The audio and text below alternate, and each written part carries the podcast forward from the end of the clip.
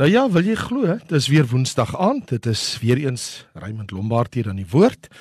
Maar die verrassing is ons het mos nou klaar gemaak met ons reis deur die Romeine en my keuse was nou dat ons deur Romeine is, kom ons reis deur een van die vier evangelies. En my keuse is die evangelie van Johannes. So ons gaan nou reis 'n reis onderneem 20 dae in die lewe van Jesus Christus. As jy alles wat gebeur in die 21 hoofstukke van die boek Johannes bymekaar tel, dan gaan jy uitvind ons het 20 dae in die lewe van die man Jesus Christus. Soos byvoorbeeld as jy kyk van hoofstuk 13 tot hoofstuk 20, dit dek alles 'n periode van uh, 'n uh, bietjie meer as um, 72 uur. Dis ons pad van letterlik tussen 3 en 4 dae al daai hoofstukke sluit in die lewe van Jesus Christus van sy kruisiging tot sy opstanding wat oor 'n 3 dae termyn is maar die aand voor dit. So as jy dink hoofstuk 13 tot 20, so jy praat van 8 hoofstukke in die boek Johannes dek 4 dae in Jesus se lewe in die res, die ander 16 dae. So in werklikheid as ons 'n ontleding doen van die evangelie van Johannes, dan vind ons 20 dae in die lewe van Jesus Christus. Ek lees vir jou vanaf vers 1. In die begin was die woord en die woord was by God en die woord was God. Hy was in die begin by God. Alle dinge het deur hom ontstaan. Sonder hom het nie een ding ontstaan wat ontstaan het nie. In hom was lewe en die lewe was die lig van die mense en die lig skyn in die duisternis en die duisternis het dit nie oorweldig nie. Daar was 'n man van God gestuur wie se naam Johannes was. Hy het tot 'n getuienis gekom om van die lig te getuig sodat almal deur hom sou glo. Hy was nie die lig nie, maar hy moes van die lig getuig. Die waaragtige lig wat elke mens verlig, was aankom in die wêreld. Hy was in die wêreld en die wêreld het deur hom ontstaan en die wêreld het hom nie geken nie. Hy het na sy eiendom gekom en sy eie mense het hom nie aangeneem nie. Maar almal wat hom aangeneem het, aan hulle het hy mag gegee om kinders van God te word, aan hulle wat in sy naam glo. Wat nie uit die bloed of uit die wil van die vlees of uit die wil van 'n man nie, maar uit God gebore is en die woord het vlees geword en het onder ons gewoon en ons het sy heerlikheid aanskou. 'n heerlikheid soos van die enige geborene wat van die Vader kom vol van genade en waarheid. Mag jou verbaas om uit te vind dat hierdie boek maar net 20 dae in die lewe van die seun van God dek. Tog het die vermaarde Griekse kenner Dr Robertson gesê oor hierdie boek, die Evangelie van Johannes of die Evangelie, die Heilige Evangelie volgens Johannes. Dis mos die werklike titel van die boek, die Heilige Evangelie volgens Johannes. Hy het gesê hierdie boek is die diepsinnigste boek in die hele wêreld en ek wil hom gelyk gee. Ons moet in gedagte hou. Ons bestudeer nie soseer 'n boek as wat ons 'n persoon Jesus Christus aanskou in hierdie boek. En soos wat hy reg sê in vers 14 en ons het sy heerlikheid aanskou vol van genade en waarheid.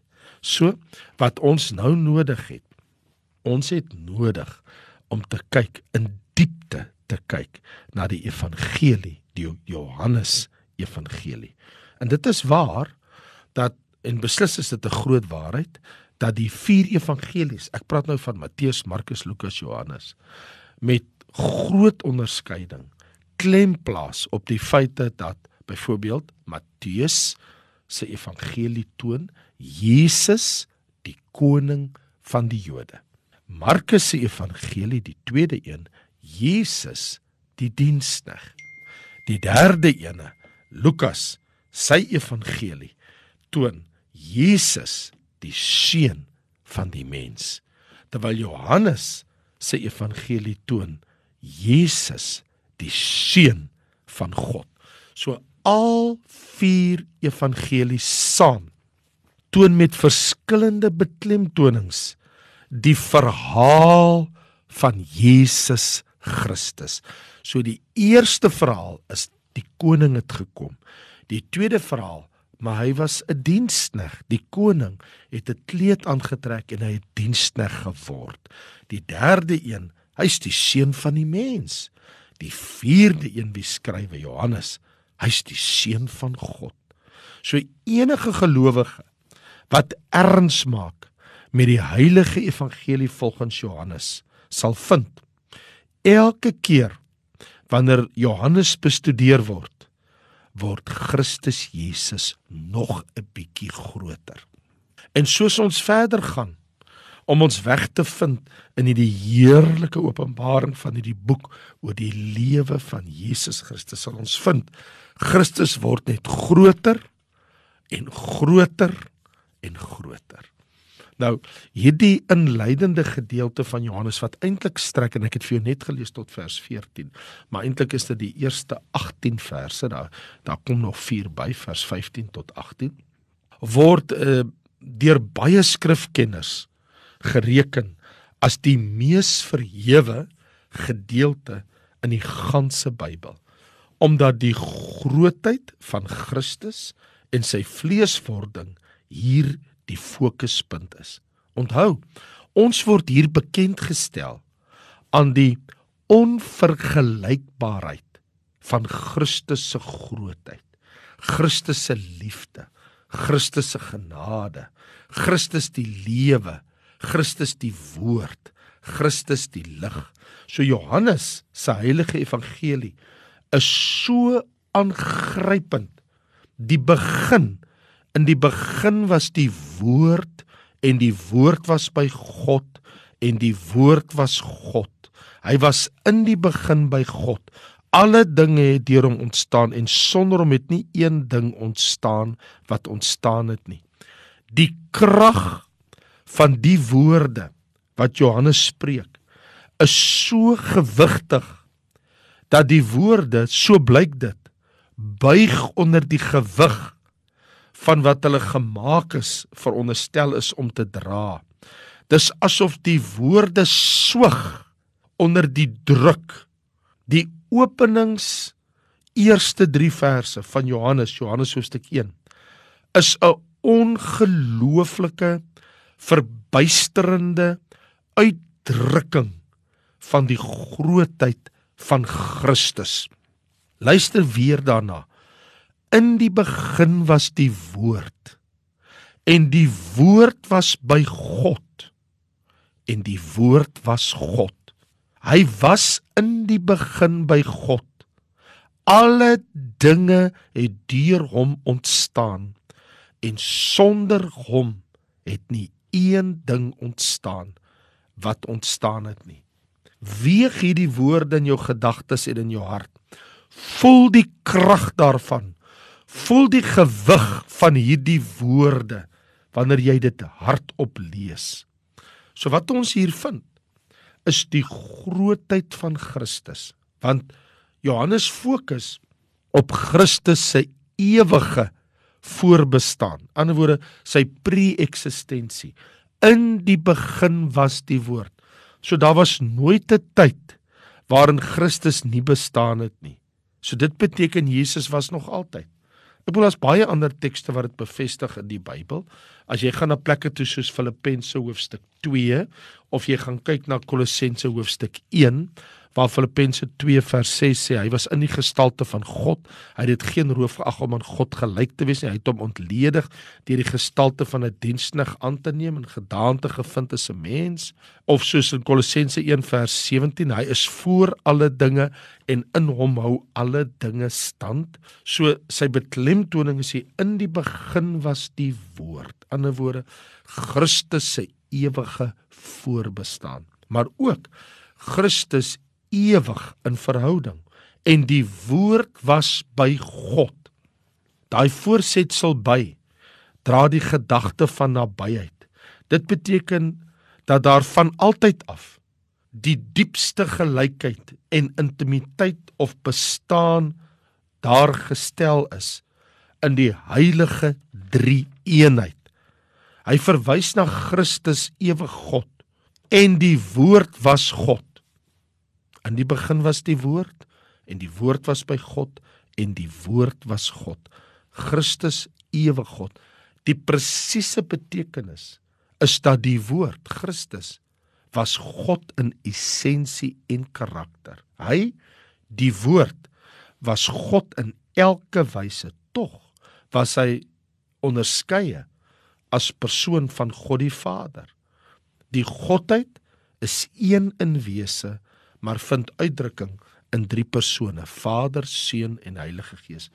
En hierdie sin, vers 1. In die begin was die woord en die woord was by God en die woord was God.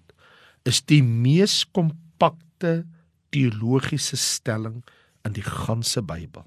Jesus bestaan van alle ewigheid as God in volmaakte gemeenskap met God die Vader.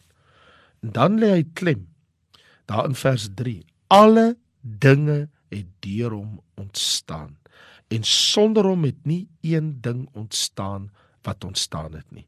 So Christus van ewigheid af, die Skepper. Dit word tog bevestig ook in Hebreërs hoofstuk 1 waar ons lees in vers 3.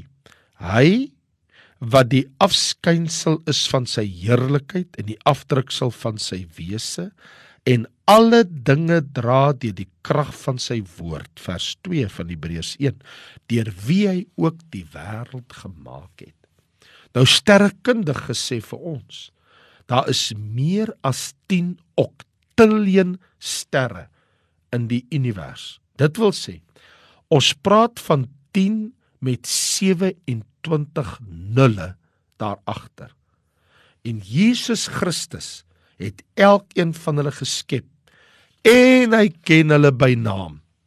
So 'n God kan ek en jy met ons alles vertrou. So wanneer ons na die grootheid van Christus kyk, maak niks anders meer saak nie. Is 'n belangrike ding hier in Johannes hoofstuk 1, die fokus op Jesus Christus wie hy is, slaan duidelik vir ons deur oor die grootheid van Christus met wie ek en jy te doen het. Maar nou kom hy ook en hy lig ons in die grootheid van Christus se liefde, want hy is die lig. Hy gebruik in vers 4 tot vers 13 gebruik hy die lig as metafoor, ander woorde as 'n vergelyking, as 'n ooreenkoms, 'n beeld in plek van die uiteindelike voorstelling. So wat hy hier doen is, hy sê Christus as die lig. Ons het die openbaring van die lig. Ons het die verwerping van die lig. Ons het die ontvangs van die lig. Wanneer hy sê die lig is geopenbaar in vers 4 en 5, is dit presies wat dit is. Daar staan: In hom was lewe en die lewe was die lig van die mense. En die lig skyn in die duisternis en die duisternis het dit nie oorweldig. Daar het ons die openbaring die woord van God, die seun van God het aan die mens kom verskyn. Hy is die lig. Die lig is geopenbaar. En dan gaan hy aan en hy verduidelik dat Johannes was nie die lig nie, hy moes net van die lig getuig. Maar die waaragtige lig wat elke mens verlig, was aankom in die wêreld. Hy was in die wêreld en die wêreld is deur hom ontstaan en die wêreld het hom nie geken nie. Hy het na sy eiendom gekom, die volk Israel, sy eie mense en sy eie mense het hom nie aangeneem nie. So hier sien ons die lig is verwerp deur die wêreld en deur sy eie mense. Maar dan in vers 12, maar almal wat hom aangeneem het, het hy mag gegee om kinders van God te word aan hulle wat in sy naam glo. Die lig is ook deur mense ontvang. So die lig is geopenbaar, die ware lig wat aan elke mens die lig gee, wat die lig van die mens is. Die lig is verwerp deur die wêreld. So Christus is geopenbaar, Christus is verwerp, maar Christus is ook ontvang. Wie die lig ontvang, het geword kinders van God.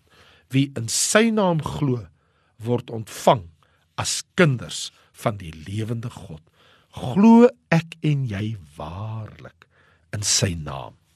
Want hy sê mos almal wat hom aangeneem het, wat in sy naam glo, het hy mag gegee. Dit is die grootste vraag ooit wat elkeen van ons self moet beantwoord.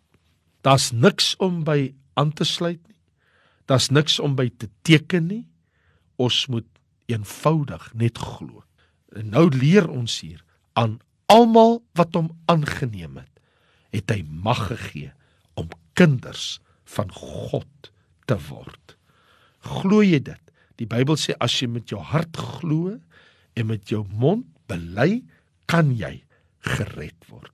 So wat ons hier sien wat ons so aangryp, is dat die een wat gekom het wat deur die wêreld en Israel verwerp is, het hulle wat hom aangeneem het. En hulle wat hom aangeneem het, aan hulle het hy mag gegee om kinders van God te word. En nou verduidelik hy dat hierdie woord vers 14 het vlees geword en het onder ons gewoon. Ja daai woorde het onder ons gewoon. Hy verduidelik die vleeswording dat Christus die woord mens geword het. Soos wat die engel sê, he pitched his tent of soos die letterlik Afrikaans sê, hy het onder ons kom woon of tabernakel. So die karaktertrek van die lig, Christus wat sigbaar is, is vol van genade en waarheid toe hy verskyn het op die aarde. En nou kom Johannes en hy sluit hierdie verduideliking wat hy nou gee met hierdie woorde in vers 18. Niemand het God ooit gesien nie. Die enige gebore seun wat in die boesem van die Vader is, die het hom verklaar. Nou kom sê hy vir ons, die woord wat die lewe en die lig van mense is wat onder ons kom woon het wie se heerlikheid hy aanskou het wat vol van genade en waarheid is dat hierdie Jesus hierdie Christus dat hy is die enige gebore seun wat in die boesem van die Vader is en hy het Vader kom openbaar. Hy het hom kom verklaar. So wanneer hy sê, "Die het hom verklaar," niemand het God ooit gesien nie, maar die enige gebore seun wat in die boesem van die Vader is, dit hom verklaar. Wat hy sê is, Jesus is die verduideliking, die eksegese van God die Vader. So die grootheid van Christus lê hierin. Hy verduidelik die grootheid van die Vader.